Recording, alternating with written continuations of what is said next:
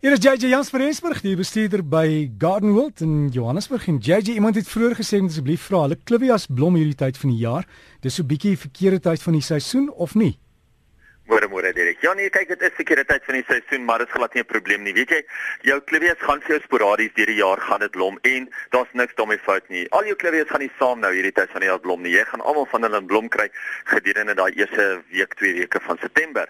Maar as jy nou blomme kry, geniet dit. Hulle word nog steeds, jy kan nog steeds bestuif, jy kan nog steeds sade uit hulle kry, maar dit is dis dis is snaakse tyd van die jaar, maar dit is nie 'n probleem nie, is heeltemal normaal. Dit gaan gebeur. En as jy rose nie blom nie? as jy rose nie blom nie, gaan jy baie meer voeding en so aan moet gee en jy gaan baie meer son moet gee. Maar weet jy ja, nee, ons rose hierdie jaar het 'n bietjie gesukkel initieel toe dit so verskriklik droog was. Uh maar nou dat meeste van die land almal 'n bietjie reën gehad het, nou kry ons dat die mense weer pragtige rose het, dat die rose weer eintlik tot hulle volle glorie gaan gaan blom en tot hulle volle glorie gaan wees. So ja, dankie tog die rose lyk al darm weer 'n bietjie beter. So jy mens moet kyk dan na die grond en en al die dinge daar om die rose, maar ook die hitte het 'n invloed want ek weet rose is nie mal oor te warm toestande nie, nee. Ja, ongelukkig, weet jy, ehm um, rose brand ook maar baie maklik en dit is hoekom baie mense in die Limpopo area eintlik in die verre noorde en so sukkel geweldig met hulle rose, hulle rose net nie wil groei nie want dit verskroei daarso en ongelukkig is dit 'n probleem veral soos jy nou sê die hitte is die probleem en natuurlik is die water die probleem want daar is nie genoeg water eintlik dat ons al aan ons tuine weer kan nat gooi soos ons dit altyd gedoen het nie. Ek weet nie of ooit regtig gaan wees nie. En moenie ons moet Ja, skus jy, jy moenie die grond om jou rose heeltyd omdolwe nie want die rose hou nie daarvan nie. Rose hou niks daarvan as jy met hulle wortels die hele tyd beter nie. En natuurlik rose hou niks van vog op die blare nie, want dan kry jy geweldige baie fungus siektes.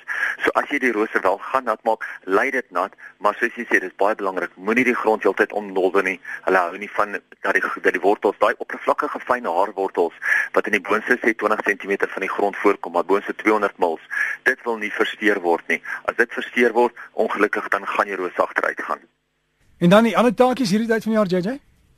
Right, ons het net begin praat oor klivias en ongelukkig ja, hierdie tyd sien nou het ons nog steeds kwai probleme met die wurms op die klavier en ons moet seker maak dat ons um dit nou vinnig behandel want sê dit nie vinnig gaan behandel nie gaan hy motte net weer eiers lê en gaan jy net weer meer en meer wurms kry. Nou ja, dit is ongelukkig 'n nasionale probleem. Hy kom reg oor die land kom hy voor, maar ek verkies om ietsie sistemies te gebruik wat wel in die deur die blare geabsorbeer word, deur die plant geabsorbeer word want die wurms klim binne in die blare in. 'n Baie goeie produk om te gebruik is Complete En as jy dit sou gebruik het jy vir die volgende 3 tot 6 maande het jy geen probleme met enige vreten of suigende insek op jou klivies nie. Saam met die warm weer en die droë weer wat ons ook in baie dele van die land nog steeds wel beleef, het ons ook groot probleme met die rooi spinnekop. Nou rooi spinnekop floreer in droë warm weer en dit is hoekom dit nogal belangrik is dat mense op 2 weke of so net die plante self kan nat spuit of die blare kan nat spuit uh met 'n tuinslang. Uh maar mense moet onthou om dit gewoonlik in die vroegoggend of laatmiddag te doen sodat die son om die brand nie. Maar as as jy in 'n area bly wat nou gereeld reën kry, behoort jy eintlik baie min probleme te kry met jou rooi spinnekop. Tensy jy ergens met jou um, um dat jy die plante ergens onder 'n dak is of so wat dit baie droog is en dan gaan jou rooi spinnekop floreer, want dan gaan hy baie droër wees.